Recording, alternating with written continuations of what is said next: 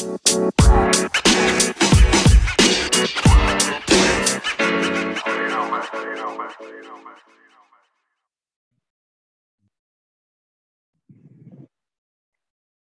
god dag og velkommen til nok en episode av Jordbrukspodden. I dag har vi ikke med oss noen gjester, men det er meg og Anders. Og vi har fulgt med Bondetinget i dag. Det har nok arbeida litt òg, men vi har hatt det på øret på hørselvernene. Og fått med oss eh, debatten og taler og innledning og det meste Det eneste kulturelt innslag det fikk ikke jeg med meg. Det var visst Gaute Ormåsen. Jeg vet ikke om du fikk med det, Anders, selv om du bortprioriterte det, du òg? Eh, jeg skippa den og et par uh, matpauser med noe is og noe greier. De skippa jeg. ja. Jeg skippa lunsjen, òg. ja, du gjør det, ja. ja det Nei, det har vært en begivenhetsrik dag. Uh, mange innlegg rundt omkring i landet. Det var vel 170 delegater med talerett. Alle var vel ikke på, men eh, innlegg fra nord til sør. Og mens det foregikk, så var det jo en debatt i Stortinget, og jordbruksavtalen eh, ble vedtatt i dag. Så eh, ja, en innholdsrik dag, dag, for jordbruket, kan vi vel si. Um, var det noe spesielt som du bet merke til i dag, Anders? Og innleggene ved debatten generelt, eller leders ja. tale eller andre ting? Ja, eh, jeg vet ikke om jeg skal gå så mye inn på leders tale. Den, på måte, den varmer jo litt opp og setter litt, eh, setter litt ting i gang. Jeg vet ikke om det var noe sånn veldig kontroversielt. Det var, var egentlig verken noe nytt eller noe ja, Verken bra eller dårlig. Det var en leders tale. Uh, og så ja. er det uh, veldig masse innlegg. Og jeg vil jo si at det, det er jo en del uh, talere som eh, på en måte utkrystalliserer seg, og som jeg syns har veldig gode eh, innlegg og setter eh, mye, mye, riktig fokus. Eh, jeg har eh, prøvd å gjort litt notater på alle. Jeg vet ikke alle jeg har fått med navn og slikt på. men vi skal prøve å koke ned alle i timen som har vært i hele dag. Da, det er rundt ja, en halvtime, times tid nå med podkast som vi oppsummerer. Så, så det er mye å ta tak i. Men jeg syns det er litt sånn gjentagende, så er det i hvert fall veldig mange som eh, presiserer det her med at eh, vi har et, hatt et jordbruksoppgjør nå som ja, det dekte kostnadene våre, og det var det. Nå må vi, nå må vi få tetta ut inntektsgapet, og det er veldig mye misnøye rundt eh, eh avløserordninger, eh, sykeordninger, altså alt som går på, det, på velferd. da, eh, er det jo en mm. god del på. Ja, det er klart det. Avløsertilskuddøkningen. Jeg husker ikke akkurat hvor mye den var på jordbruksoppgjøret, men eh, det blir jo ikke det helt store. Det blir ikke mange ekstra fridager, for å si det sånn. Eh, og Toril Svarva, var ikke det hun het? Fra Beitstad Bondelag, hvis jeg ikke husker feil. Hun eh, var vel litt inne på hva Trøndelag hadde krevd, og de har vel krevd en, over en dobling i avløsertilskuddet. Og ja. Det er klart det er langt fra en dobling til det som ble resultatet. Hun eh, var vel daglig leder i Verdal avløserlag og merker vel det her litt på, på, kroppen, vil jeg tro. Det er vanskelig å rekruttere avløsere med det lønnsnivået vi ligger på. Og, og krevende å få det til å gå i opp for bonden når han blir syk. Så det var vel eh, flere som var inne på det med sykdom og, og fødsel generelt. Ja, hun eh, Anna, Anna Berge Haaland. Anna Haaland Berge, tror jeg. Ja, det er fra Romsdal. Ja. Hun var jo veldig på det her med, med ordning om før ved, ved sykdom og, og de avløserordningen. Og det er jo, en, det er jo gjenspeilende Du på en måte synliggjør flere svakheter ved ordninga, bl.a. at det er sju og en halv time. Og så tror jeg han fra Norsk landbruksrådgivning presiserte at det faktisk er nede i seks, fordi at det var forskjellig lønnstrinn òg på avløsere. Eh, så det var ikke du, du, kommer ikke nødvendigvis så langt med den summen du får til dette her. Eh, og I tillegg så er det jo kun mandag til fredag, da, og du mangler noen dager eh, midt i uka, i helga der som du ikke får avløser, i hvert fall som du da eventuelt må dekke da med helgetillegg osv. Så, videre. Så du har ikke råd egentlig til å være sjuk. Du skal være hva er det de sa for noe? Du skal være rimelig frisk for å være sjuk i landbruket. ja. Han var vel fra Norsk landbrukstjenester, han eh, som var inne der og sa det. Ja, selvsagt. Ja. Men det er klart, jeg var vel vært litt innom det her òg. Arne Manger kommenterte vel i dag, han eh, tror jeg, at det, her er jo et symptom egentlig da, på den dårlige lønnsomheten. For eh, det er jo egentlig ikke noe problem sånn sett å være syk eller gravid dersom du har eh, økonomi til å ansette en norsk person på tariff som er kompetent og har utdanning og vet hva han skal gjøre, og du har nok lønnsomhet i produksjonen per time til å dekke lønnskostnaden, og samtidig holde resultatene i gang. da, At fjøset går ut og du får ting gjort på, på, eh, på gården. da. Så Det er jo et symptom, men det er klart inntil man er der at økonomien er god nok, så er det jo veldig viktig at de her velferdsordningene eh, er gode nok. Da. Og der er vi vel ikke helt i havn ennå. Tyder vel debatten på. Ja, nei, jeg syns det er bra den eh, Arne poengterer. Og jeg har jo mitt bidrag i debatten hele tida har jo egentlig vært å regne på eh, dette her, ikke sant? og tatt for meg eh, brorparten på referansebruka for å se hvordan ting slår ut. og en gjentagende ting i referansebruka er jo bl.a. at det som er lønn til innleid arbeid, den er jo opptil fire ganger så høy den, som lønn til familie og, og, og seg sjøl i referansebruka. Eh, og det er jo da, da, da sier det seg sjøl at hvis du må jobbe fire timer for å leie inn avløser én time, da begynner, mm. da begynner den sykeperioden å bli lang. Da, da, da tikker klokka eh, når du ser at eh, kontoen eh, bare tømmes. Og så Hvis vi hadde hatt lønnsomheten på plass, som en Arne sier, så, så hadde det ikke vært noe problem å være syk. Det er, det er jo uansett problem. Alltid et problem, men eh, Men da hadde ikke da, En mindre bekymring, i hvert fall. Ja. Økonomi bør ikke være en del av bekymringa dine når du blir, blir sjuk. Nei. Så vi, vi trenger, ikke å, trenger, ikke å, være fornøyd med den ordninga, sjøl om det er viktig. så trenger vi ikke å være fornøyd. Og det er vel litt uh, vi, har, vi, har, vel flere, flere innlegg i dag òg som går på dette her med at nå må vi snu negativiteten og ha fremtidstro og, og trua på framtida og sørge for rekruttering. Uh, jeg, jeg vet liksom ikke Litt som vi pratet med Nora om i forrige episode, at det å eh, ha lyst til å ha en endring, det er altså faktisk ha lyst til at ting skal bli bedre enn det det er i dag, det er ikke det samme som å være negativ, altså, i, i mine øyne. Uh, nei, absolutt ikke. Og det la merke til litt det samme. Og det var vel fra Det som jeg syns var litt interessant, var at fra Nordland så var det i hvert fall tre representanter som hadde ganske fokus på det med å framsnakke næringa og rekruttering, og at vi nå måtte se litt lyst på det, og at det var lys i tunnelen. Og den biten der. Og Det er jo vel og fint, men så samtidig så sier de jo at i Nordland og Troms da, så har det jo ja, der vi har en størst eh, bruksnedgang. Og det begynner å bli veldig langt mellom brukene. og Det begynner å bli mange plasser der de sliter med dyrlegeordning og ingeniør og få det der til å henge i hop.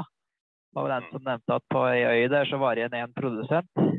Og da er jo spørsmålet får du flere nye bønder til å overta gårdene eller starte opp igjen og, og drive og satse videre i landbruksyrket og pene kubilder og snakke om uh, hvor fint det er å være bonde, eller er det faktisk gode rammevilkår som gjør at uh, i Nordland og Troms så kan du ha inntekt som naboen din ved å være gårdbruker, og du har muligheten med ferie og fritid og vanlig sosialt samvær med familien din jeg tror det er det som skal til da, for å få til den rekrutteringa og få de her brukene oppe i nord der. da, så at vi får med dem videre, eller dem da, dem som skal fra bås til løsdrift bl.a. Og, ja. Svaret der, svaret der er jo selvsagt gitt. Vi har jo, eh, altså, vi har jo prøvd det. Vi kan vel ikke si at vi ikke har prøvd å, å framstille norsk landbruk på en god, fra sin beste side i alle år. Det er jo nok eh, solskinnshistorier og og eh, ku på setervøller og til og med på melkesjokoladeplata. ikke sant? Eh, eh, og du kan jo alltids uh, sminke brura, men kommer en hverdag òg, ikke sant. Da, da, da, vil disse unge som du Som etter mitt hugge, da, du lurer uti dette her. Eller om unge. Det kan òg være han som er halvveis inne i drifta, men ser at han må bygge på båsfjøset sitt. Du lurer dem faktisk ut på tynnisen helt til de detter gjennom da, når de endelig har fått investert. Og Det er jo det vi ser på. og Det var jo et veldig godt innlegg ifra eh, Jeg har vel så vidt klart å finne ut eh, navnet her, tror jeg, på han fra Trøndelag som hadde kritiserte veldig dette her med at eh, nå syns han det var tungt, det var dårlig lønnsomhet. Eh, og, og, spesielt for de som hadde tatt eh, investeringen. Eh, Yngve, Yngve Røin, tror jeg han. Han er fra sør i Trøndelag, tror. Han pratet på at han hadde rundt 700 tonn, men han var Og da er det jo fort gjort at du får blikka satt i deg fordi du er stor. Men han poengterte da at han hadde beiting både oppe i fjellom og ja, prøvde så, og fløy, så fort han klarte ut ifra de kravene som var satt. Men det ble verre. Og der har vel òg eh, en kanskje en litt mer kjent person òg hadde et innlegg der. Eh, Geir Loen. Vet ikke om du husker det innlegget, Ola? Jeg husker men jeg kan kommentere litt mer på han personen. Jeg husker ikke navnet i farta, jeg. Men eh, det må vel sies at de var vel fulltidsbrukere, både mann og, og, og kjerringa. Og snakka vel om at de nærmest arbeida på på skift der at en var inne med ungene om natta og den andre var ute og arbeida. Så der, eh, der var det harde bud. Og han var jo ganske tydelig både mot uh, samvirket og nå der i forhold til at uh, prisen opp betydelig. Ikke bare 36 øre som skal til skal du få til en levelig økonomi. Han snakka om tre kroner for å få det her til å gå rundt. Altså, jeg syns det var et veldig tydelig innlegg, og situasjonen hans viste at uh, han driver så stort som det går, og så fort som det går. Og eh, det må bedre økonomi til. Skal han få til det familielivet sitt til å bli litt mer normalt? Det høres ut som han, eh, han arbeider jevnt og trutt, både han og kjerringa, virka det som. Ja, er, ja, du skulle fram til en Geir Loen. Hva vel du tenkte på nå, kanskje? Ja, for han hadde et veldig sånn spesifikt eksempel. Mm.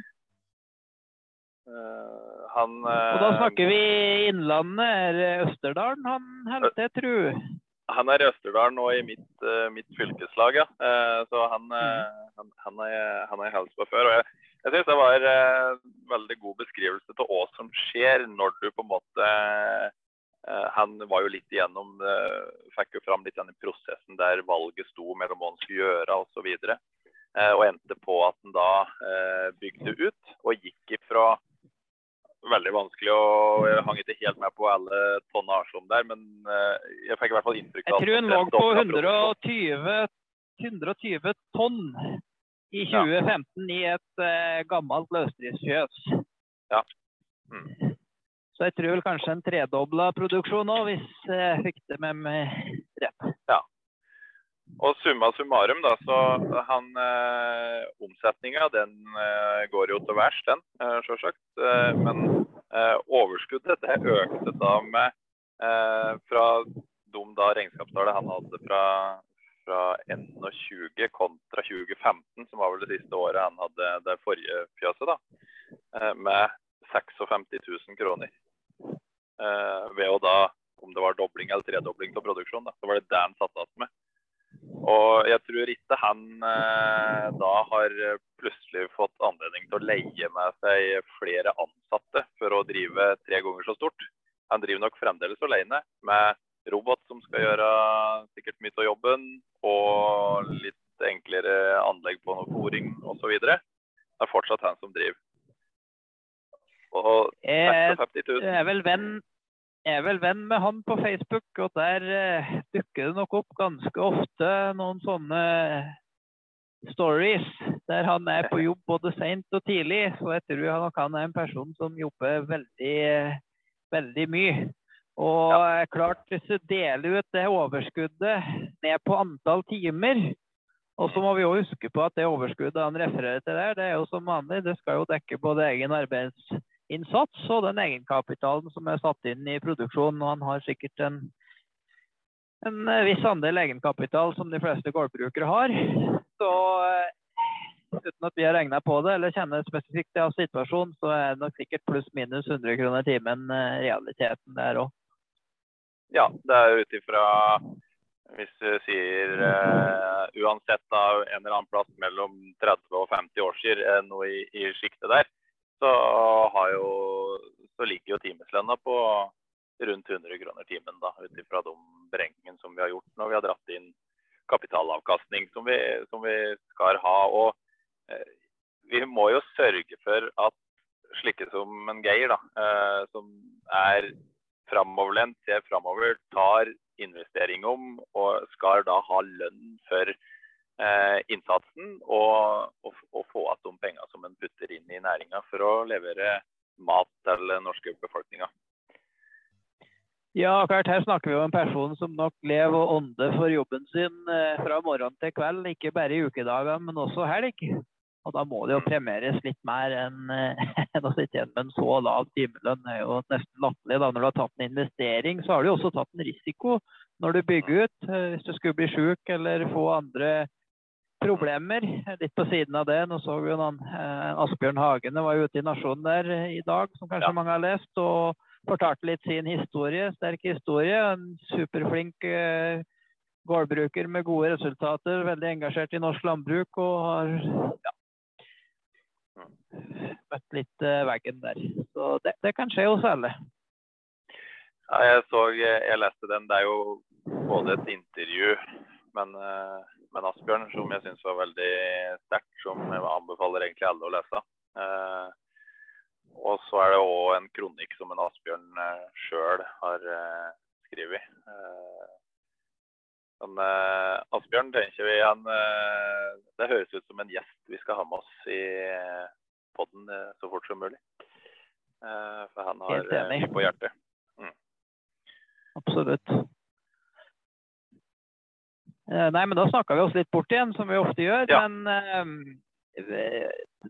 oppsummert så var det jo et veldig godt bilde som en Geir Loen kom med der, som viste litt hva som skjer når du, når du satser litt. Og det, det, var jo et gjennomgangstema fra mange, det òg. Denne situasjonen fra bås til løsdrift. Eh, Vestlandet var jo snakka om der. Var det 70% av besetningene som hadde båsfjøs? Stemmer det?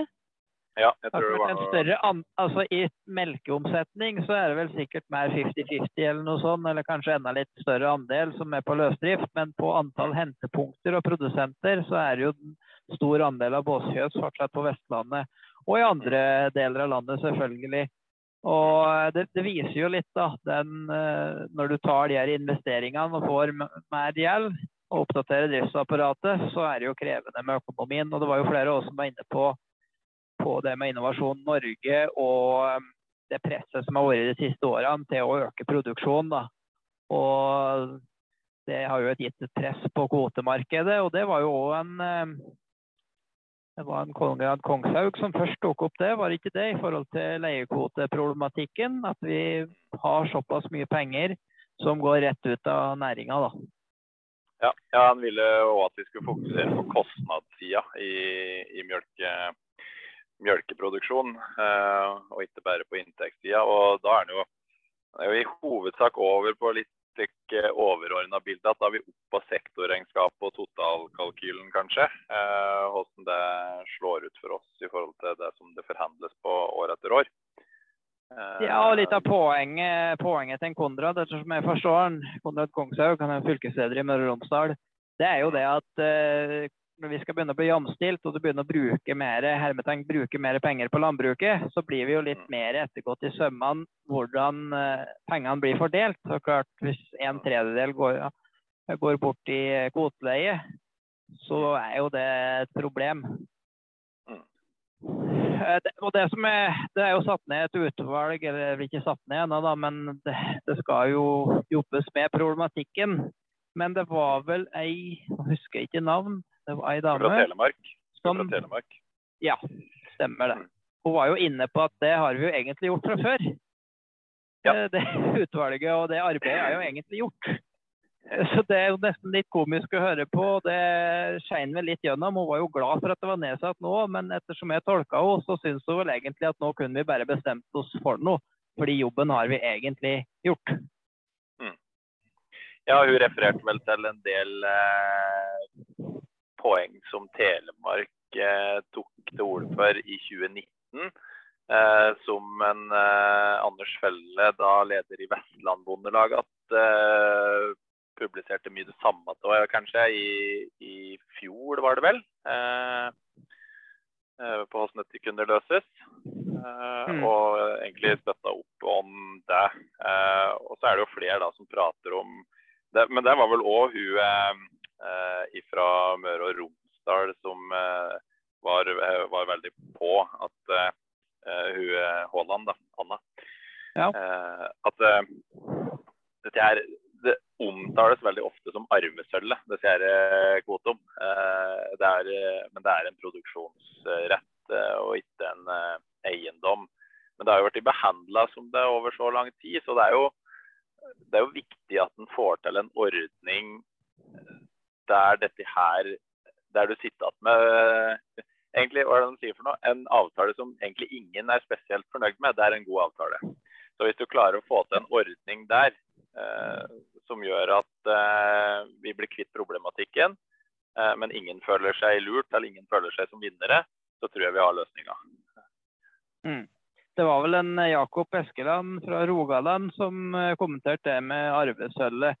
Og Ja. eh, han har vel hatt de diskusjonene eh, med flere da, om den leiekvoteproblematikken. Og ettersom jeg forsto det, så, så leide han vel kvota av noen, noen i familien. Så det var litt Han så begge sider av- saken da, på grunn av Ja. det. Men det var jo tydelig at han sjøl mente at eh, det var en, et problem med de leiekvotene. Men ikke nødvendigvis alle andre i slekta. Han, hadde, han, hadde, han var, uh, han var i, i befatning med kvoteleie i nære relasjoner, var ikke det han prata om?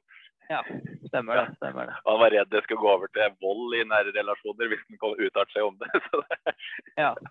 Han fikk jo noen telefoner nettopp når han skulle opp og si noe, så det kan jo hende det var det familiemedlemmet som, eh, som ringte og sa dette må du ikke uttale deg om.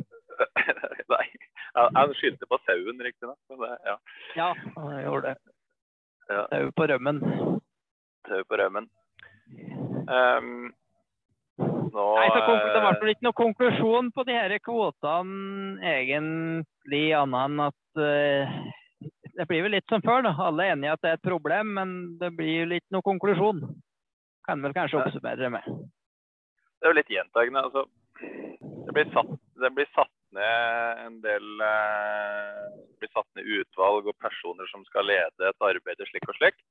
Eh, og så venter vi på at det skal komme et resultat, og så kommer det egentlig ikke noe resultat. Og Det var det òg noen som var inne på i forhold til grøntnæringa der òg, med en rapport som var lagt fram. Og jeg skal beklageligvis ikke bevege meg ut på grøntnæringa, for der eh, har jeg litt for eh, dårlig kontroll eh, enn så lenge. Eh, men at der òg var det kritikk til det, eh, den rapporten som var lagt fram, eh, som egentlig sa ingenting, som han sa. Mm. Eh, Men det, dette er vel det vi kaller for beslutningsvegring, eh, egentlig. Det her med at man setter ned utvalg hvis man egentlig vet hva problemet er, og man har en idé om hvordan man skal løse det. Så setter man ned et utvalg, og så slipper man å ta noen upopulære avgjørelser der og da. Så jeg, jeg kaller det rett og slett beslutningsvegring. Og den her kvoteproblematikken, det er jo ikke noe ny sak i det hele tatt. Bondelaget har jo hatt et utvalg som nevnt, eh, som har sett på løsningene, og det har jo vært debattert i leserinnlegg, sosiale medier og sikkert på produsentlagsmøter opp og ned i hele landet. Så det er klart, her gjelder det egentlig å bestemme seg for noe, og det er sånn skal du gjøre endringer, så er det alltid noen som blir ramma av det. Men hvis du ikke gjør endringer, så rammer det alle. Eh, Så du er nødt til å gjøre det. Ja, og jeg tror det han eh, Det var fra Østfold, da. eh, Og de her Viken-kommunene enn så lenge, var det vel han Bergerud sa. Eh, Der har du han derre Thomas Riiser. Var oppe på talerstolen. Østfold. han- Det var Østfold, ja. Mm. Og han var veldig tydelig på at han ønska et mer offensivt bondelag, som, som da var med på å synliggjorde den dårlige lønnsomheten ut i media. På, på en ny og, og, bedre måte egentlig enn det som var gjort. Han stilte litt uh, spørsmål ved den kommunikasjonen som, som, har vært så langt. og Han trakk vel òg bl.a. opp dette her brødet som ble brukt under debatten eh, i vinter på mye av kaka, altså av brødet, da, eh, som bonden satt igjen med. Eh, der du hadde med Ja, du hadde jo med NHO og Coop var det vel noen representanter for der osv. Eh, som prøvde å bortforklare mm. den derre vertikale eh, integreringa si, der de strengt talt eier alt etter at bonden har høsta kønnet. Eh, og klagde på dårlige marginer det var på å selge det ut i butikk. Eh, men eh, han eh, jeg tok, trakk i hvert fall fram den, eh, det brødet, da. og den Han nevnte vel òg faktisk bondeopprøret.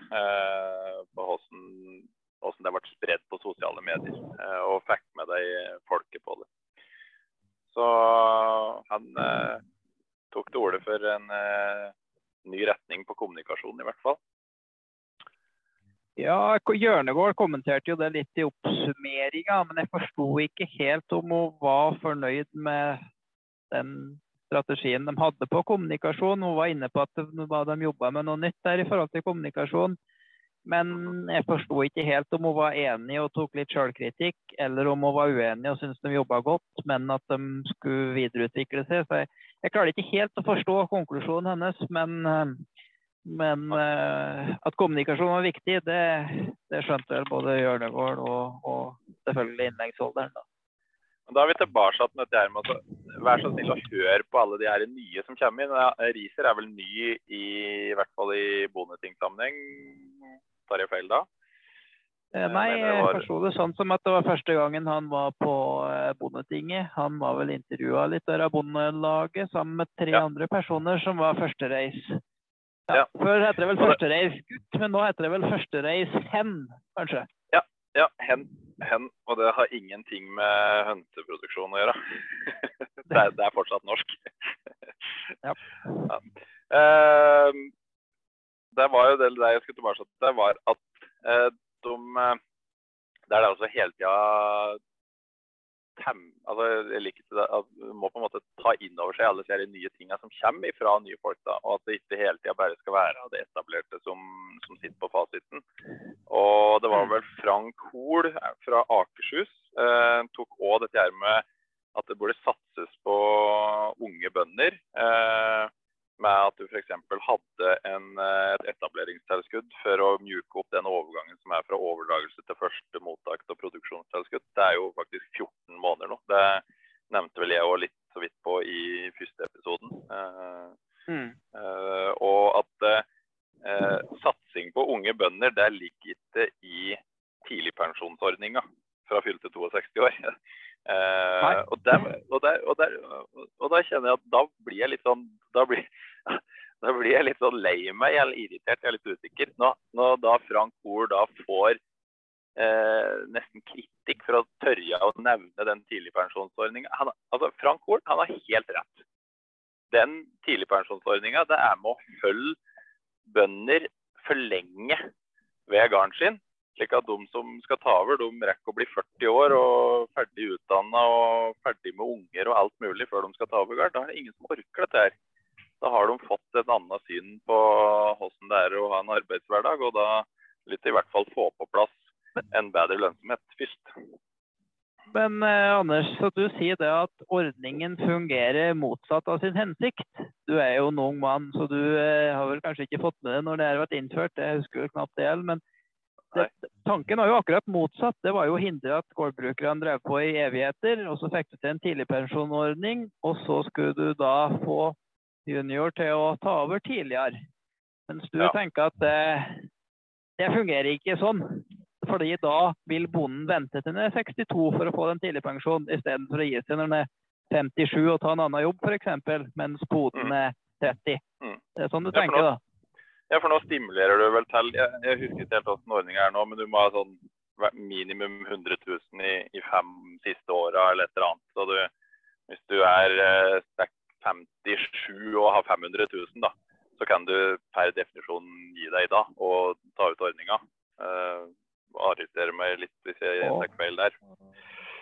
Ja, der tror jeg vi må Kontrollsjekke. Jeg, jeg, tror du, jeg tror du tar feil, men jeg er ikke helt sikker. Jeg trodde det at det var tidligst fra 62. da. Ja. At du kunne ta ut den. Men ja, nei, det er litt usikker, jeg òg. Uansett, så jeg tok jo over uh, lenge før uh, Ja, far min uh, fyller vel 60 i år, faktisk. Så jeg tok jo over når han var 55. Mm. Og da var jeg 30. og har jo da, som jeg tidligere nevnte, jobba i sju år allerede i Forsvaret. Og, og uten å gå i detaljer, så Eh, det er mye jobbing i, i, Forsvaret og med den jobben jeg hadde. Men eh, eh, lønn og arbeidsvilkår var jo i en klasse langt over det jeg kjenner til nå. Eh, så at jeg ble lurt ut i dette her, det, det er bare flaks si, for den som hadde lyst til å gi seg. men, men, men jeg, jeg, tilbake til Frank Hall Knai. Altså, poenget hans var vel at han ønska et eh, form for etablerertilskudd i stedet. For han, det er jo en viss pott av den tidligpensjonen som eh, går ut av jordbruksavtalen. Og han ønska da og ettersom jeg forsto, eh, omfordele de midlene, eventuelt gjøre potten større. Det er jo alltid, alltid, det beste i den sammenhengen her. Det er jo det, det vi vil ha. Men i hvert fall å, å, fokusere mer på de yngre bøndene da, og, og, og, sørge for at det er noen friske midler som kommer da, i de tøffe, spesielt det første oppstartsåret. da. Eh, han gjorde det, og han tok også til orde Det var litt artig da, ettersom vi hadde den episoden med Nora eh, her om dagen. Han tok også veldig til orde for kvinnelige bønder eh, og ordninger bl.a. i forbindelse med eh, svangerskap. Eh, og at eh, kvinnelige bønder skulle slippe å måtte dokumentere at de faktisk var hovedbruker på en gard når de skulle søke Eh, ja, sykepenger, svangerskapspermisjon osv. Eh, at det er nesten sånn mistenkeliggjøring. Eh, det er faktisk, og det vet vi veldig godt nå, i hvert fall alle som har hørt på denne poden her, at det finnes kvinnelige bønder. Og det er mange av dem, og vi skulle hatt flere.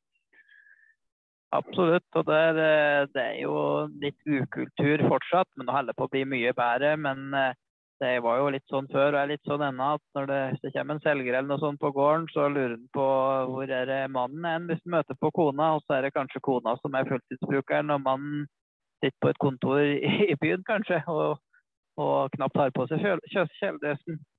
Så eh, tidene forandrer seg. vi må følge med i tiden. Uh, ja, hva andre temaer var det som var inne på? Jo, det var jo det her eh, Trakk opp det her med, med pensjon òg, da. Som hadde et forslag på, på å, at man kunne plukke ut de f.eks. ti beste regnskapsårene da, til bonden. Sånn at det danna mm. grunnlaget for uh, pensjon. Mm. Eh, og Det er klart, det vil jo være en løsning for å hjelpe Det hjelper jo ikke på en måte den bonden som har vært gårdbruker i 30 år nå, om vi får til jamstilling, han vil jo fortsatt være minstepensjonist. Så det er jo en utfordring. Men personlig så tror jeg vel det er vanskelig å få til sånne skatteordninger for en sånn smal gruppe, da. Men jeg ser absolutt poenget med, med forslaget. Da. Det gjør det, men jeg, jeg ser for meg noen mulige tilpasninger der som kanskje kan være uheldige òg. Altså, du Nei, jeg, jeg, jeg vet ikke. Altså, jeg syns uansett hvordan du vrir og vender altså, uansett hvordan du vrir og vender på det, uh, så er den store, store, stygge ulven og elefanten i rommet òg, kanskje, er uh, lønnsomhet og kapitalavkastning. Uh, mm. Som da er, går hånd i hånd, sjølsagt. Og det er ingenting fram til nå, i hvert fall, som har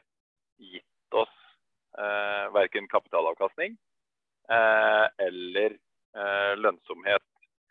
Eh, og da er jeg litt tilbake til eh, nå, hopp, nå, hopper jeg her plutselig, men eh, Erling Aas Eng sitter jo i, i sentralstyret. Han tok jo Jeg, jeg syns han tok uforholdsmessig veldig til orde for å verne om forhandlingsinstituttet. Jeg, jeg er ikke motstander av forhandlingsinstituttet. Men det må være lov, de tinga som har kommet opp eh, i de siste dagene. Nå, nå vet vi jo at eh, jordbruksavtalen ble vedtatt osv. Men det må være lov, tilbake til det som er gjenganger i mange av de andre gode innleggene som kommer fram òg. Det må være lov å stille spørsmål. Det må være lov å tenke annerledes uten å nesten, nesten få, få kjeft fra sentralt hold om å mene noe annet. Uh, og det, jeg, jeg syns det er litt jeg synes det er litt for låg takhøyde, jeg, egentlig. Uh, når det kommer til dette der. Uh, jeg, ja, det, det, blir jo litt sånn skremselspropaganda òg. De trekker jo fram utlandet og se hvor ja. ille de har det, liksom. Og da det blir litt feil mentalitet, føler jeg, da, å liksom henvise til frykten for at ting kan bli verre. Vi må vel heller ja. jobbe for at det kan bli bedre, istedenfor å være så livredd for at det skal bli verre. Det var jo ordrett òg det som kom fra et annet sentralstyremedlem. Det, det er ikke meninga å angripe sentralstyret, egentlig, men jeg mener det er litt tilbake på dette med kommunikasjon osv. Eh, Johansen fra Nord han sier òg at det hadde ikke vært for Bondelaget, så hadde ikke han kunne bygd eller vi kunne bygd osv. Eh, og vi må huske på da at det kunne alltid vært verre. Og det er, det er også dytte oss ned igjen i den her eh, lua, lua i hånda-mentaliteten, altså som, som, vi ikke må ha. Og det var vel eh, var, det, var det en Arne Manger eh, som sa det at eh, vi må slutte å se på oss sjøl som en kostnad. Må faktisk tørre å kreve det som vi er verdt. Det var vel òg en prat i forhold til Distrikts-Norge, og at var, vi skal være glad for at vi var prioritert det var vel et tilsvar på en annen nordledning, eh, fylkesleder i, eh, i Nordland, Trond Bjørkås, eh, som, ah, ja. som, trakk fram at vi måtte være glad for at vi hadde blitt prioritert framfor helse, samferdsel og andre samfunnsgoder. Det var vel det Arne Manger ga et, et tilsvar på, da, som du, ja, sa nå. Ja. ja men det, dette må det, det, her må det bli slutt på. Altså, for det er en ting, altså, vi kan Uansett uh, etterpåklokskap, det er jo den eneste vitenskapen. Uh, og vi ser jo hen vi er hen i dag. Og det har, vi, det har, vi, fått ved å følge det som disse her da verner om nå. Det er det, Men samtidig, det Anders, han, han, har jo helt rett. Altså, Vi hadde jo ikke hatt noe landbruk ute på Løkta, der er vel øyen helt det på der i Nordland, er ikke det? Hadde det ikke vært for sterke faglag eh, gjennom tida som har kjempa for det distriktsjordbruket, og, og, noen politikere som ville hatt landbruk over hele landet, så han har jo for så vidt rett, har han ikke det? da?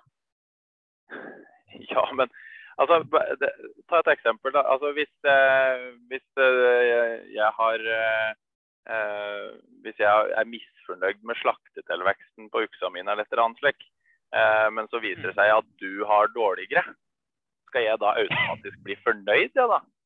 Er det, er, det der, er det, dit vi skal havne? Så vi skal ikke tørre å strekke oss etter det vi faktisk har potensial for uh, for å oppnå. Da, da, har du for så vidt helt rett. Uh, mulig, ja, mulig jeg må kjøle meg ned litt. Du har helt rett. Ja. det er litt med hvor, hvor legger vi lista hen, liksom. Hva er ja. målsetningen, og hvor, hvor, vil vi hen? Ja, og Det må defineres tilbake til det som da Eh, flere var inne på, både da Riser fra Østfold, eh, Jørund Kvåle, eh, Telemark, blir det? det er vel Agder. Agder. Agder. Han òg var også inne på å kommunisere og å få spredd liksom, forventninga i organisasjonen. Da. Hva er det som er forventninga vår?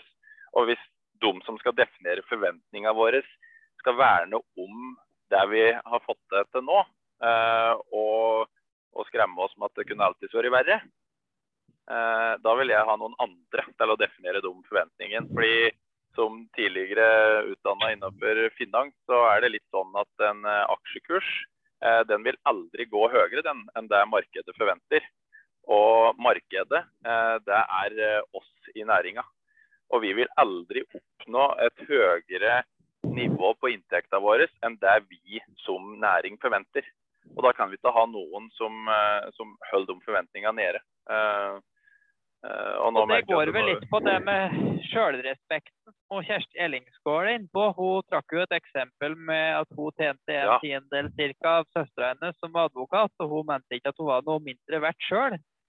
Og det blir jo litt det at hvis vi ikke forventer at, som hun sa, hun var vel inne på det at vi måtte forvente å få betalt for den Altså få en verdi i vår egen arbeidskraft. da. Og Det mm. blir jo nettopp det. Hvis vi ikke har forventninger om å ha en anstendig lønn, og at det er en verdi i den jobben vi produserer, så kommer vi vel aldri til å få det. Nei. Nei, nei, nei. Nei, så det, dette ble sånn nå ble dette sånn nesten eh, sånn rant, det som det ble nå. Det var litt tilfeldig, men nå har jeg gjort litt sånn notater. Og det var jo disse der som da tok til orde for det. Det var jo da et par fra sentralstyret og, eh, og, fylkesleder, da. Eh, eh, ellers så har jeg vel eh, Vet om jeg har gjort noe mer notater her. Ja, jeg, jeg gjorde meg jo en litt tanke, vi var litt inne på det i stad, det her med beslutningsvegring.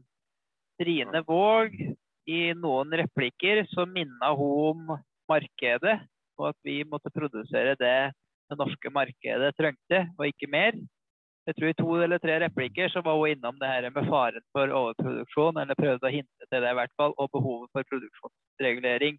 Og i sitt innlegg så sa hun det helt rett ut Altså at uh, jamstilling og produksjonsregulering det må gå hånd i hånd. Du får ikke til jamstilling uten å, å ha den produksjonsreguleringa. Og, og, når jeg sier det med beslutningsvegring, så, så i den Bjørn summerte opp i talen sin, ikke talen da, men den oppsummeringa etter bolk to, så kom det dessverre fram at man ikke har eh, gjort fra faglagenes side gjort klart arbeid da, på det med produksjonsregulering.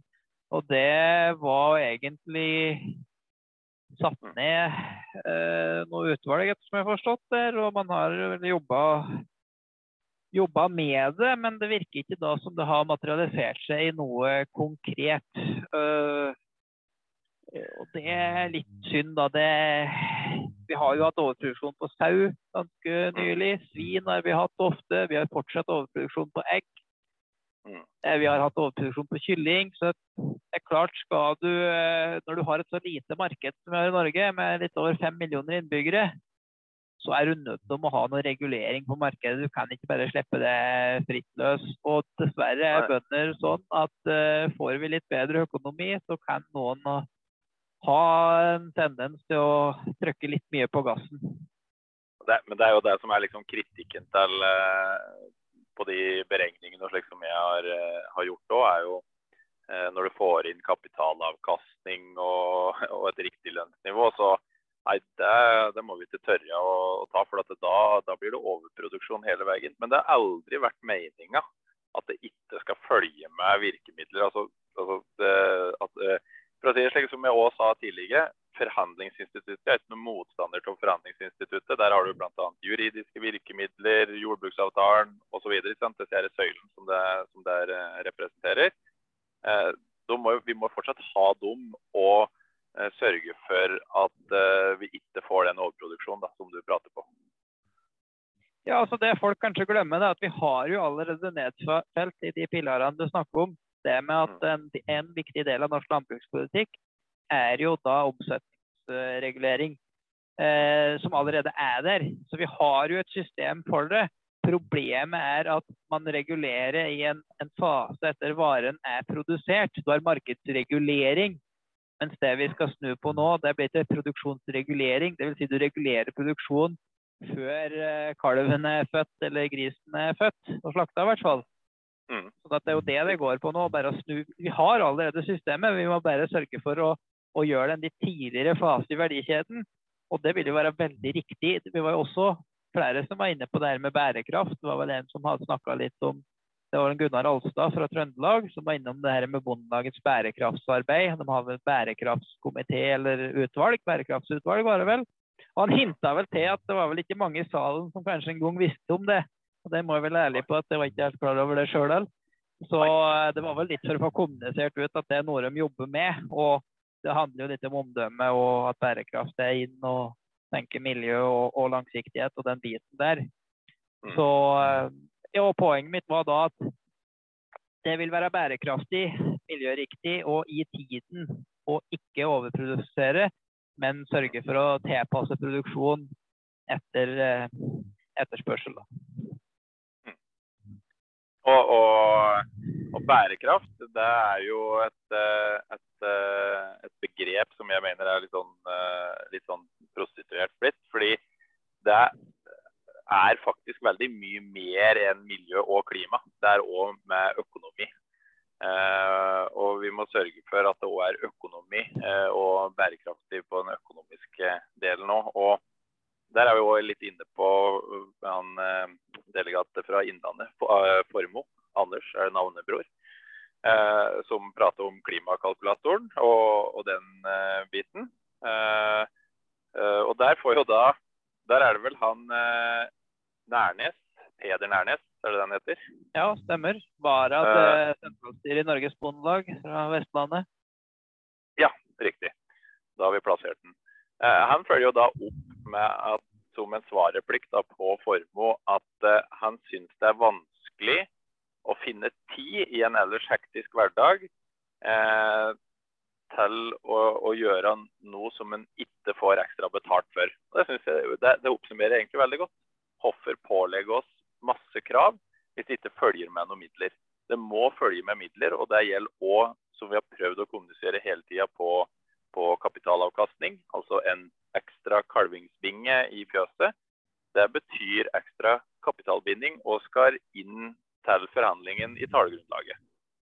Og hvis klimakalkulatoren sier at nå skal alle sammen ha solcelletak på, på fjøset, da er det kapitalbinding. Det skal inn til forhandlingen. Og da er vi over på dette her som òg mange prata om, eh, at det var så viktig å ha en modell som tålte politiske skifter. Ja. Ehm, det var vel eh, eh, Hvem var det som eh, tok fram det? Jeg husker ikke helt. Det var vel to forskjellige personer tror jeg, som var litt innom det. Var, det var ikke noe Nei, jeg tror ikke vi skal nevne navn hvis vi ikke husker det. her. Det var i hvert fall nei, nei.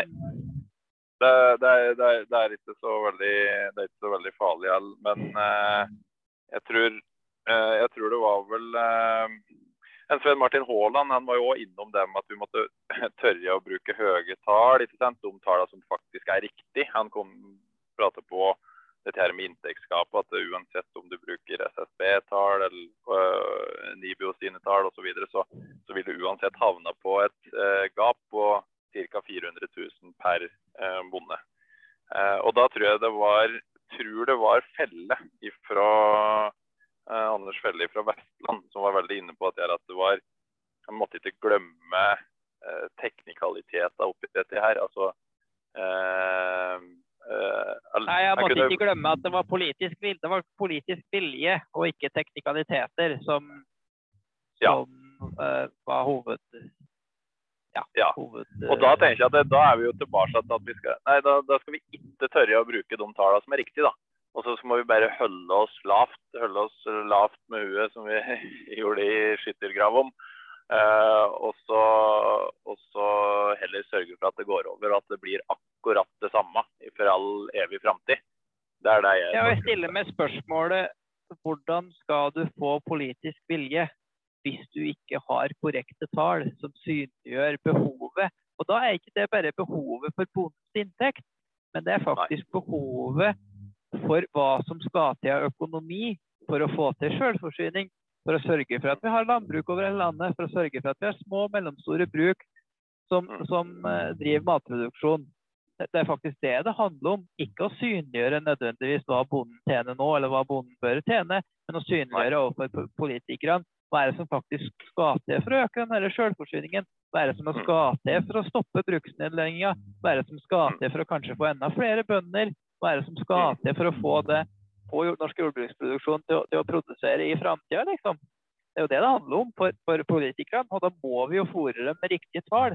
Så å si det at bare ja, men dette er bare teknikaliteter om bondens inntekt eller det eller det. Eh, det blir litt korttenkt, da. Jeg blir provosert, eh, når det blir sagt på den måten. Og det, det samme er jo Jeg bor jo i, i fjell, eh, fjellbygd. Det var innlegg om fjellbonden der som vi måtte huske å ta vare på. Og det var eh, relativt eh, eh, makabre bilder holdt jeg på å si, på hvordan eh, hytteutbygginga hadde på en måte tatt for seg beite, beiteområdet. Eh, og jeg er òg en av dem som eh, er grunneier som kan selge hyttetomter. Jeg har ikke solgt noen tomter ennå, riktignok. Men eh, Kimo eh, er jo da leder i eh, Trøndelag, ikke sant? Bondelag. Ja. Eh, han gikk opp og, eh, og mente da at det var eh, Vi måtte bestemme at det ikke Altså Bondelaget, faglaget og kommuner måtte ta til orde og bestemme at det ikke skulle bygges i beitenæringen. Og der er jeg så prinsipielt im, eh, imot det som Kimo uttaler der. Fordi at eh, det Kimo skal vite, er at jeg har investert i gården eh, min. Dvs. si forrige generasjon gjorde det. Eh, og der er det brukt penger fra de her hyttetomten til å bygge et eh, fjøs eh, på, den størrelsen som den politikken som faglag og politikere har ført fram til nå, eh, og er låst inn der. Og de pengene er tapt. Det vet vi jo, fordi vi har regna på lønnsomheten. Du får ikke igjen pengene dine hvis du putter dem inn i landbruket. Og nå, når gjelda hele tida øker, kostnadene øker, dette står jo også i den eh, artikkelen til Asbjørn Hagen i dag, når du hele tida ikke klarer å få ned gjelda fordi det helt stadig er nytt behov for å vedlikeholde kapital, det er det dette her dreier seg om, da skal ikke Kimo få bestemme om jeg kan få solgt en hyttetomt jeg kommer meg ut fra uføre og kan ta vare på eh, familien min og hjemmet mitt. Det er lønnsomhet i norsk matproduksjon vil sørge for at det ikke vil være noe problem med hytteutbygging i, i fjellområder eller parkeringsplasser langs eh, E6-en til lagerbygg osv. Lønnsomhet er det som er nøkkelord. Ja da, jeg er klart eh, jeg er ikke uenig med deg i det, men samtidig så skjønner jeg jo hvor en Kimo vil. Det handler jo litt om at bonden skal være som en eh, eiendomsbesitter skal være med å definere det som skjer i, eh, når man lager nye reguleringsplan for hyttefelt osv. Så, videre. så så ja, jeg skjønner hvor du vil hen, men en har nok et poeng. En Kimo tenker jeg at det er viktig at eh, bonden er med som en definisjonsmakt på hvordan utviklinga eh, skal være. Og det er klart, Problemet blir jo litt i type kommuner som Oppdal, Ringebu, Øyer, Geilo, Hemsedal, der du har en veldig eh, veldig ekspansiv utbygging. Og så kan du ha grunneiere der som ikke har tjent ei krone på utbygging, og så har du en nabo som er steinrik på å selge hyttetomter, og så er den naboen plages med de hyttefolkene som er irritert over sauen hans. Det er klart det skaper noen konflikter her, men samtidig så, så har vi jo en vanvittig stor utmarksressurs. Sånn at eh, det er vel plass til det er vel plass til alle ennå, i hvert fall. Ja, Jeg tror det. Eh, det tror jeg skal være. Jeg er bare opptatt av at den eh, den eh, sjølråderetten, da, på en måte, den, den må stå, stå sterkt over dem hvordan du forvalter din egen eiendom. Noen har masse skog, noen har masse fjellområder og myr og osv. Eh, og så må hver enkelt bonde få klare å gjøre det beste ut av sin situasjon. Og, og i hvert fall hvis den er en del av den aktive delen da. Det, det mener jeg. Eh, men jeg ser, jeg ser poenget. Det. Så hadde vi jo så hadde vi jo på slutten av dagen et eh, innlegg fra Per Vidar Kjølmoen, landbrukspolitisk talsperson i Arbeiderpartiet. Mm. Eh, det var jo ganske positive takter der, vil jeg si. Han dro jo litt historien eh, 35, det kriseforliket som vel var da, med arbeiderbevegelsen og, og da du fikk et løft for bøndene. Og så dro han opp Hitra-aksjonen på 70-tallet, da du på nytt fikk et løft. Og så dro han opp nå da, med den nye regjeringsplattforma og, og løftet som nå skal komme til bonden Og han sa vel at han ville være med å kjempe for det her og, og, og få til inntektsutjevning for bonden. Så det var jo positive takter og toner derfra. Men klart hver gang jeg hører en politiker, så så heiser jeg ikke flagget før jeg faktisk ser at det er gjennomført. Da. Og da kan jeg vel si at den har så vidt begynt her i år, men det er en veldig lang vei å gå de siste tre jordbruksoppgjørene som han er medansvarlig for. Så jeg hører hva han sier. Det er positive toner, og jeg håper og tror at det er genuint. Men eh, litt Vi venter og ser litt. Vi håper det blir bra, selvfølgelig. Ja. Eh, så var det en litt artig ting på slutten der. Det fikk kanskje ikke du med deg, Anders. Da hadde du litt opptatt med noe annet. Men eh, det var jo en gjennomgang av regnskapet i Bondelaget. Og det, det, er jo faktisk sånn at Bondelaget sitter på en betydelig eiendomsmasse. De leier vel ut som han sa, 39 leiligheter og en betydelig andel eh, næringsareal som de leier ut. Og så sitter de på en del midler som er plassert i, i fond, så de har en del kapitalavkastning. Og ja. Eh, jeg husker ikke akkurat tallene, men det var jo et, et greit overskudd og en ja. betydelig egenkapital. Så var det spørsmål om det var noen som hadde en replikk på det. Og det hadde Arne Manger. Han hadde vel hoderegna seg fram til at det var ca. 5 eh, avkastning på egenkapitalen i Bondelaget. Og da stilte han et spørsmål til sentralstyret på om de var fornøyd med egenkapitalavkastning på 5% det kom ikke noe tilsvar på det, men ordføreren eh, sa den lot vi ville henge litt i lufta. Og det var, det var, litt humring i salen, for å si det sånn. Arne Manger er jo fra Bondeopprøret er jo kjent for å snakke en del om egenkapitalavkastning. Så det var, ja, var morsomhet på slutten av dagen der. Ja, men i hvert fall, vi kan i hvert fall Uansett da, så kan vi konkludere med at den er høyere enn realrenta. i hvert fall. ja, det kan vi si. Men du var innom en Sven Martin Haaland sitt innlegg eh, eh, tidligere. Og det gikk jo litt på fjorårets årsmøtevedtak. Eh, det ble vel aldri svart helt ut, så vidt jeg fikk med meg. Det var litt synd, da. for det, Han var jo innom at det var et skille i fjor med årsmøtevedtak, med måling på nivå, at man skulle påvirke inntektsutvalget og være sjøl og definere, definere sjøl. Eh, Aktivt så han var jo inne i år på Ja, stemmer. Så han var jo inne på det her med at vi må ha definisjonsmakta. Bondelaget må ut og, og, si hva er det vi forventer, hva er det vi mener er prinsipielt riktig og den biten der. Um, så det ble ikke svart ut så veldig, men uh, som vanlig et klokt og godt innlegg fra en alltid nytenkende Søren Martin uh, Haaland. Mm. Veldig veldig stødig fra Haaland der. Det er lite, lite klovnerier og, og, humor. Det er rett på sak. Og, og han, han, er rett og slett en klok mann. Nå er vel jeg kanskje litt inhabil til jeg kjenner den såpass godt, men uh, absolutt veldig klok mann. Ja, absolutt inhabil. Men jeg sier det likevel. ja, ja, det er lov, det. Men det er sånn oppsummert da, i dag, jeg må, jeg må trekke inn én ting eh, ekstra òg. Eh, litt morsomt det som hun der eh, fra Bygdekvinnelaget sier om krav til merking av opprinnelsesland på bakvarer. Det visste ikke jeg om. Eh, at det ikke var tatt med. Eh, der, eh, altså at det ikke finnes noe krav til det per dags dato, nei? Nei. Og jeg tror òg han Klaseie, Anders Klaseie, han trakk òg opp dette her med Og kjøttbransjen da hadde syntes hvis vi gikk for 95% av kjøtteigen var norsk, og så var det 5% innblanding fra litt her og litt der. Og så kalte vi det norsk. For det var litt sånn jeg fikk inntrykk av at det var på, på korn i dag. Ja, det er klart Når du har for lite norsk korn, og så prøver jo da bedriftene å selge inn det som et hermetegn norsk produkt, og så blander de norsk og utenlandsk korn og klistrer på et norsk eh, flagg, og så må du lese med lykt og lupe for å finne ut hvor stor andel som kommer fra utlandet, og hva som er norsk. da.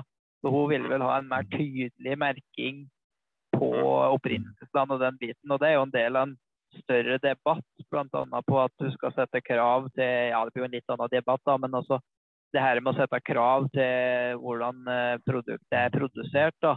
Eh, sånn at du, du sammenligner produktene og, og vet opprinnelsesland. Du vet hvordan regler som er for det produktet. Altså Kjøper du et kjøtt i Norge, så vet du at du har det og det regelverket. Kjøper du kjøtt fra Brasil, så vet du ikke helt hva slags produksjonsforhold det har levd under. Altså, det er jo en del av den store debatten med å, å ha en skikkelig merking og ja, hva er det, ikke sertifisering, men uh, i hvert fall mer tydelig ut mot forbruker, da, så forbrukeren vet hva han uh, kjøper. Mm. Mm. Absolutt. Og han Klaseie òg, han er jo leder i kornutvalget, så han snakker jo selvfølgelig om korn. Og han var jo litt innom at uh, tror det var han i hvert fall, om at det ikke var en veldig styrkning av matkornøkonomien. Altså eh, når innsatsfaktorene har økt så mye som en sier på, på nitrogengjødsel, på drivstoff, plantevernmidler og den biten der, så er det jo blitt mye mer kostbart egentlig å produsere matkorn kontra å, så bygg. da, Der du sparer en sprøyting eller to og du kan bruke litt mindre Eh, nitrogengjødsel. Så mindre innsatsfaktorer og kanskje få like stor avling. Mm. Så han kritiserte jo litt den, eh, den biten der. Da, at hvis han mente alvor med det, så må man styrke matkornproduksjonen enda mer. Og jeg skjønner ikke helt problemet da, om du bare skrur opp der med 50 øre. Liksom, så blir jo det en betydelig for bonden og et insentiv til å produsere matkorn. Mens på et brød så utgjør det jo da ingenting for forbrukeren, liksom. Så jeg ser ikke helt problemet der. Så det innlegget til Anders Nordstad her om dagen òg, at mars 2022 så hadde vi aldri før eh, importert så mye eh, kornvarer noen gang inn til eh, landet. Nei. Og det som er litt interessant, er at det er på det tidspunktet der de utenlandske prisene er høyere enn de norske prisene. Ja. For det som har skjedd da, det er jo at eh, da hadde vi jo fortsatt ikke hatt noe målprisøkning på norsk korn. Så norsk Nei. korn er jo veldig billig. Og så har vi hatt en veldig prisutvikling på internasjonalt korn som har skutt i været. Så det skulle jo tilsi akkurat det omvendte, da. Og så, ja. Det viser jo det her kjøpekraften som vi var inne på litt tidligere her i første episode, at det er det som bestemmer. Har du et høykostland med høy kjøpekraft, så er sjansen stor for at produktet blir dyrt ute i butikken, sjøl om råvaren er billig i utgangspunktet. Eller i hvert fall låg. Og eh, Hans Jørgen Boie òg, en som du òg kjenner godt, eh, tok jo òg litt til orde for denne her med hvordan omfordele midler i gul boks på målpris. Da, på, på eh, dette her kvalitetssystemet for mjølk. Eh, det fikk en eh, Fikk vel egentlig ikke noe sånn særlig godt svar på det, egentlig. For han stilte vel et ganske konkret spørsmål om det kunne fått til en mer presis gjødselkompensasjon hvis han hadde fått eh, trukket ut eh, disse ørom fra, fra eh, den gule boksen. Eh, skal ikke gå helt sånn ned i dybden på det, men eh, jeg opplevde ingen spesielle gode svar, annet enn at eh, litt sånn anerkjenne at det var en løsning. Og fra Tine sine representanter, både fra styreleder i Tine og eh, Tines representant i Bondelaget, eh, så var det veldig Solveig Bråteng på Ja. Også fra nord. Eh, hun, hun var veldig opptatt av at vi måtte Ja, det er fort, fort gjort at det var ikke meningen å være negativ mot nord. eh. Jeg har jo jobba i Forsvaret, så de fleste gode kompisene mine er jo fra nord. Men, men, eh, men, men det var veldig fokus på dette med, med markedet. At du måtte passe på at eh, det var ikke bare å hva var det som ble, Jeg husker ikke akkurat orda som ble eh, brukt. Men det gikk ikke Hun Du sa vel det at det var, vi kunne godt skru opp melkeprisen med tre kroner i år, men da måtte vi så hva som kom til å skje, eller noe sånt. Så da kom markedet til dette sammen, var vel det jo ment. Da, da flomma det over med import. Ja. Men jeg, jeg mener det finnes Det må finnes veldig mye imellom 3 kroner og 36 øre.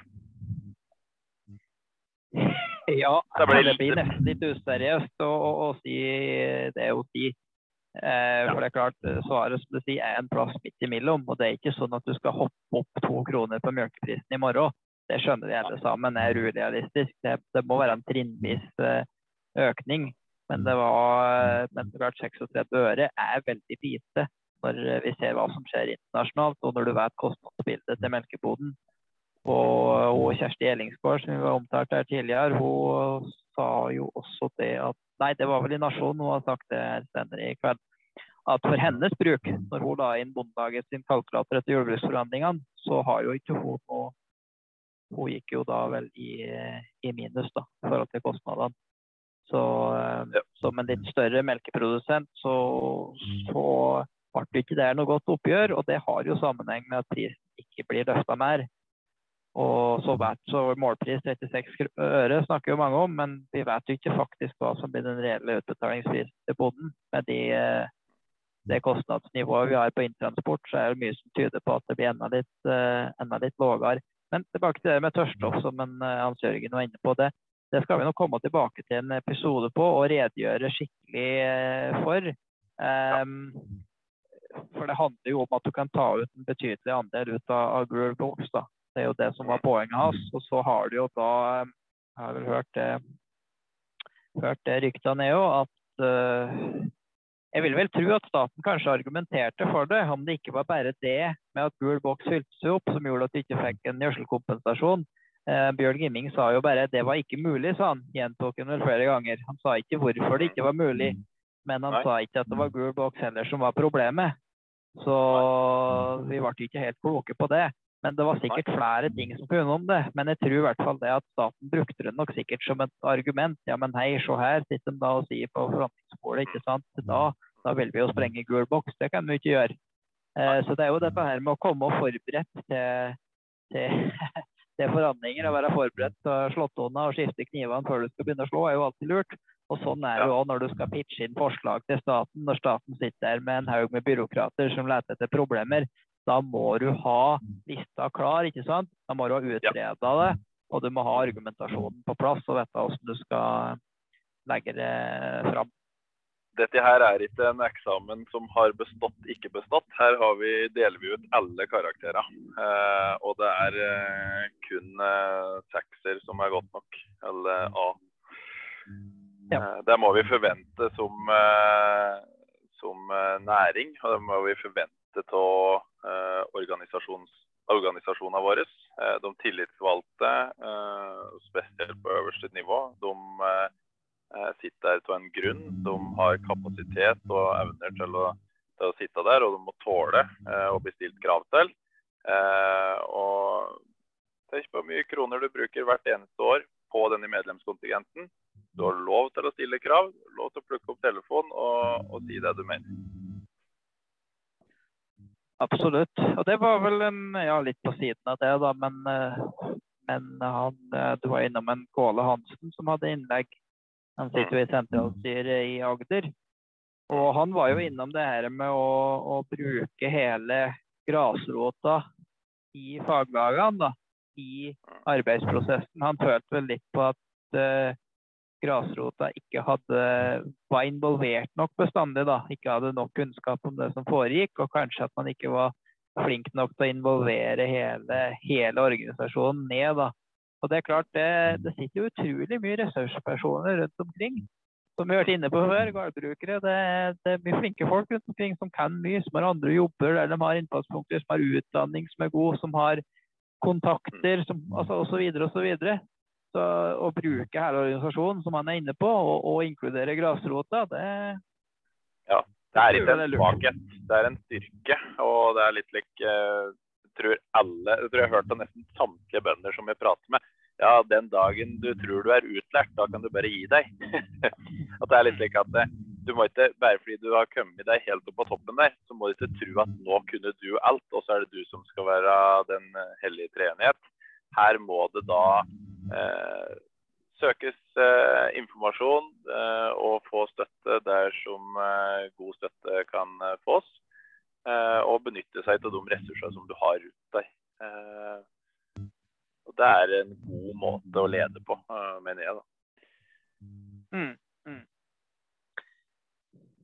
Det var han jo inne på, han eh, superververen Reinert Itzøe fra Rogaland nå. Han har vel verva bare 21 personer, husker ikke helt. Han var jo inne på det med lokallagene sin viktighet, og at det var lokallaget der som var synlig både i media og i andre sammenhenger, som gjorde at han klarte å, å eh, verve medlemmer. da. Har du lyst til å oppsummere litt og si litt om hva vi kan forvente oss på morgendagen?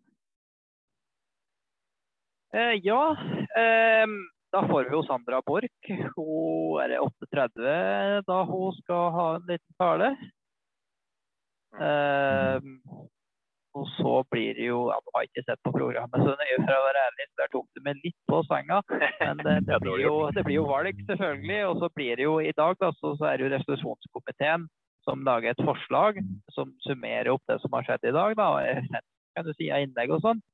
Og så blir jo det eh, lagt fram i morgen, og så blir det en debatt rundt det. Og så blir det en, et vedtak av det, etter som jeg forstår. Og så har du eh, har du da eh, valg. Ja. Det er noe annet som står på programmet, skulle jeg til å si. Nei, jeg tenkte jeg skulle prøve å finne ut litt der om det sto noe om om eh, planen her. Det var dårlig gjort av meg, da, for jeg hadde ikke, jeg hadde ikke programmet framme sjøl, så da tok jeg en sjanse på at du hadde det. Nei, ja, her er det 38, ja. så er vi nok inne på det.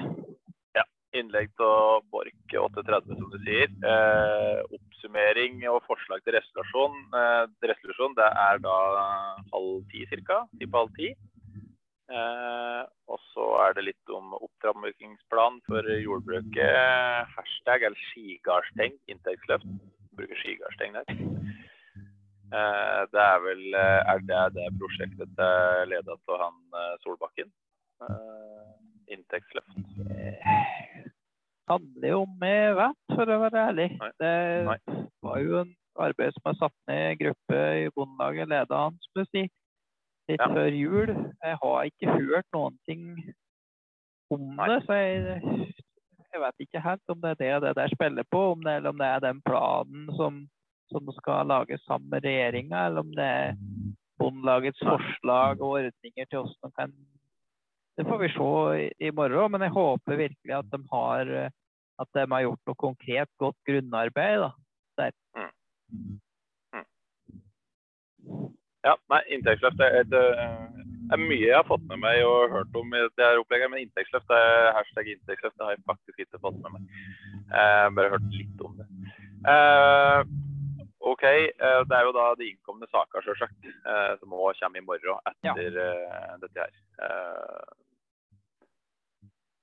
og de prater vi Og det var eh, soner og. Fordelingsnøkkel er RMB og, og IBU, ja. Og så er det da eh, fra Akershus Bondelag redusert kontingentsats for ungdom. Ja. Eh, og så kommer jo det som jeg mener at eh, som jeg mener vi må engasjere oss mer i, både på lokalt nivå, fylkesnivå og sentralt nivå. Og det er jo valg. Selvfølgelig valg. Eh, Eh, Fordi, eh, som vi har litt inne på, eh, de som sitter og skal representere oss eh, på alle nivåer, de eh, er med og definerer rammer og skaper forventninger ut i organisasjonen. Så valget i morgen, det blir artig å høre det de forskjellige sier. Jeg regner med det skal være noen innlegg der. Jeg har ikke vært Jeg, har ikke, Eh, jeg vet ikke om det er noe, eh, noe sånne Hva heter det for noe? Kamptaler det skal være? Har du hørt noe- Eh, jeg, er ikke noe dreven organisasjonsmann sjøl, så det, det jeg kan jeg egentlig ikke helt. Men det er vel eh, Jeg tror vel hver eh, kandidat, hvis det er benkeforslag, får anledning til to eller tre minutter til å snakke sin sak, da. Det vil jeg tro. Mm. Mm.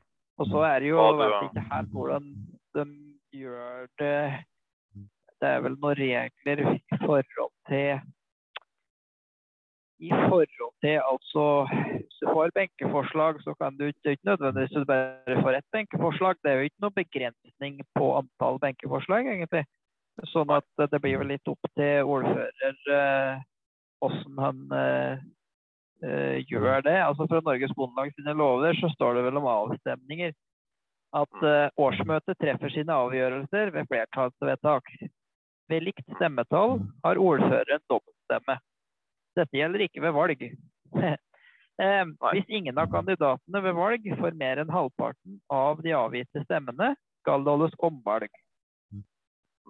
Eh, oppnår ingen av kandidatene mer enn halvparten av stemmene ved andre valgomgang, skal det holdes omvalg mellom de to kandidatene som har fått flest stemmer i andre valgomgang. Blir stemmetallet likt i tredje valgomgang, avgjøres valget ved loddtrekning. Ja, vi kommer ikke dit. Det skal vel ganske mye til, får vi håpe. Ja, jeg vet det. Det hadde vært heftig. Det hadde vært heftig. Men ja. nå har vi den eh, lista som vi har eh, så lenge. Og, og er hvor de skriverier om benkeforslag og, og, det ene med det andre. Eh, så det blir spennende. Valget det er tentativt klokka tre. Eh, så da bør folk eh, følge med på den. Eh, og så er vel da Bondetinget ferdig. Men vi tar vel en oppsummering i morgen òg. Ja, De trenger ikke følge med. De kan bare følge med på Jordbrukspodden, så sparer de masse tid. Så får de ja, det. det oppsummert. Jo, Men jeg tenkte jeg skulle gjøre opp, oppmerksom på en ting. og Det er jo det at uh, siden vi snakker mye om faglagene her nå og kommer litt inn på det her og da, og årsmøtet i Bondelaget, så kan jeg gjøre oppmerksom på at uh, jeg, er tidlig, jeg er tidligere bondelagsmedlem, ikke vært på tillitsvalgt eller noe, men uh, har hoppa over i NBS nå. Ikke fordi at alt er riktig i NBS, men ja, jeg følte det var riktig for meg, meg personlig å engasjere meg der. Og du er medlem i Bondelaget, og sånn sett så er vi ganske balansert. Så har vi en leir i begge eh, En fot i begge leirer. Ja. Det er veldig greit å ha, ha på det rene. Og jeg føler jo at vi prøver å så objektivt som mulig eh, koke ned de tinga som er. Og så vil jo sjølsagt eh, eh, jeg være farget av mine innstillinger til eh, de forskjellige tinga. Eh, så får folk sjøl gjøre seg opp en mening om hva de syns er mest riktig. Absolutt. Nei, men Da tror jeg vi sier at vi har fått oppsummert det meste. Det, noe har vi sikkert glemt, og noe burde sikkert vært nevnt. Men ja. uh, hovedtrekkene har vi vært innom. Mm. Og så får vi se hva som eh, skjer i morgen. Mm. Så da sier vi takk for at dere hørte på nok en gang. Og så um, Ja, det var jo planlagt å levere en podkast hver uke. Nå var det jo bondeting og behandling i Stortinget og litt mye som skjedde, så da er det greit å ta, en, ta ting når det skjer. Helt enig. Da høres vi i morgen. Den er god. Hei, hei. Hei, hei.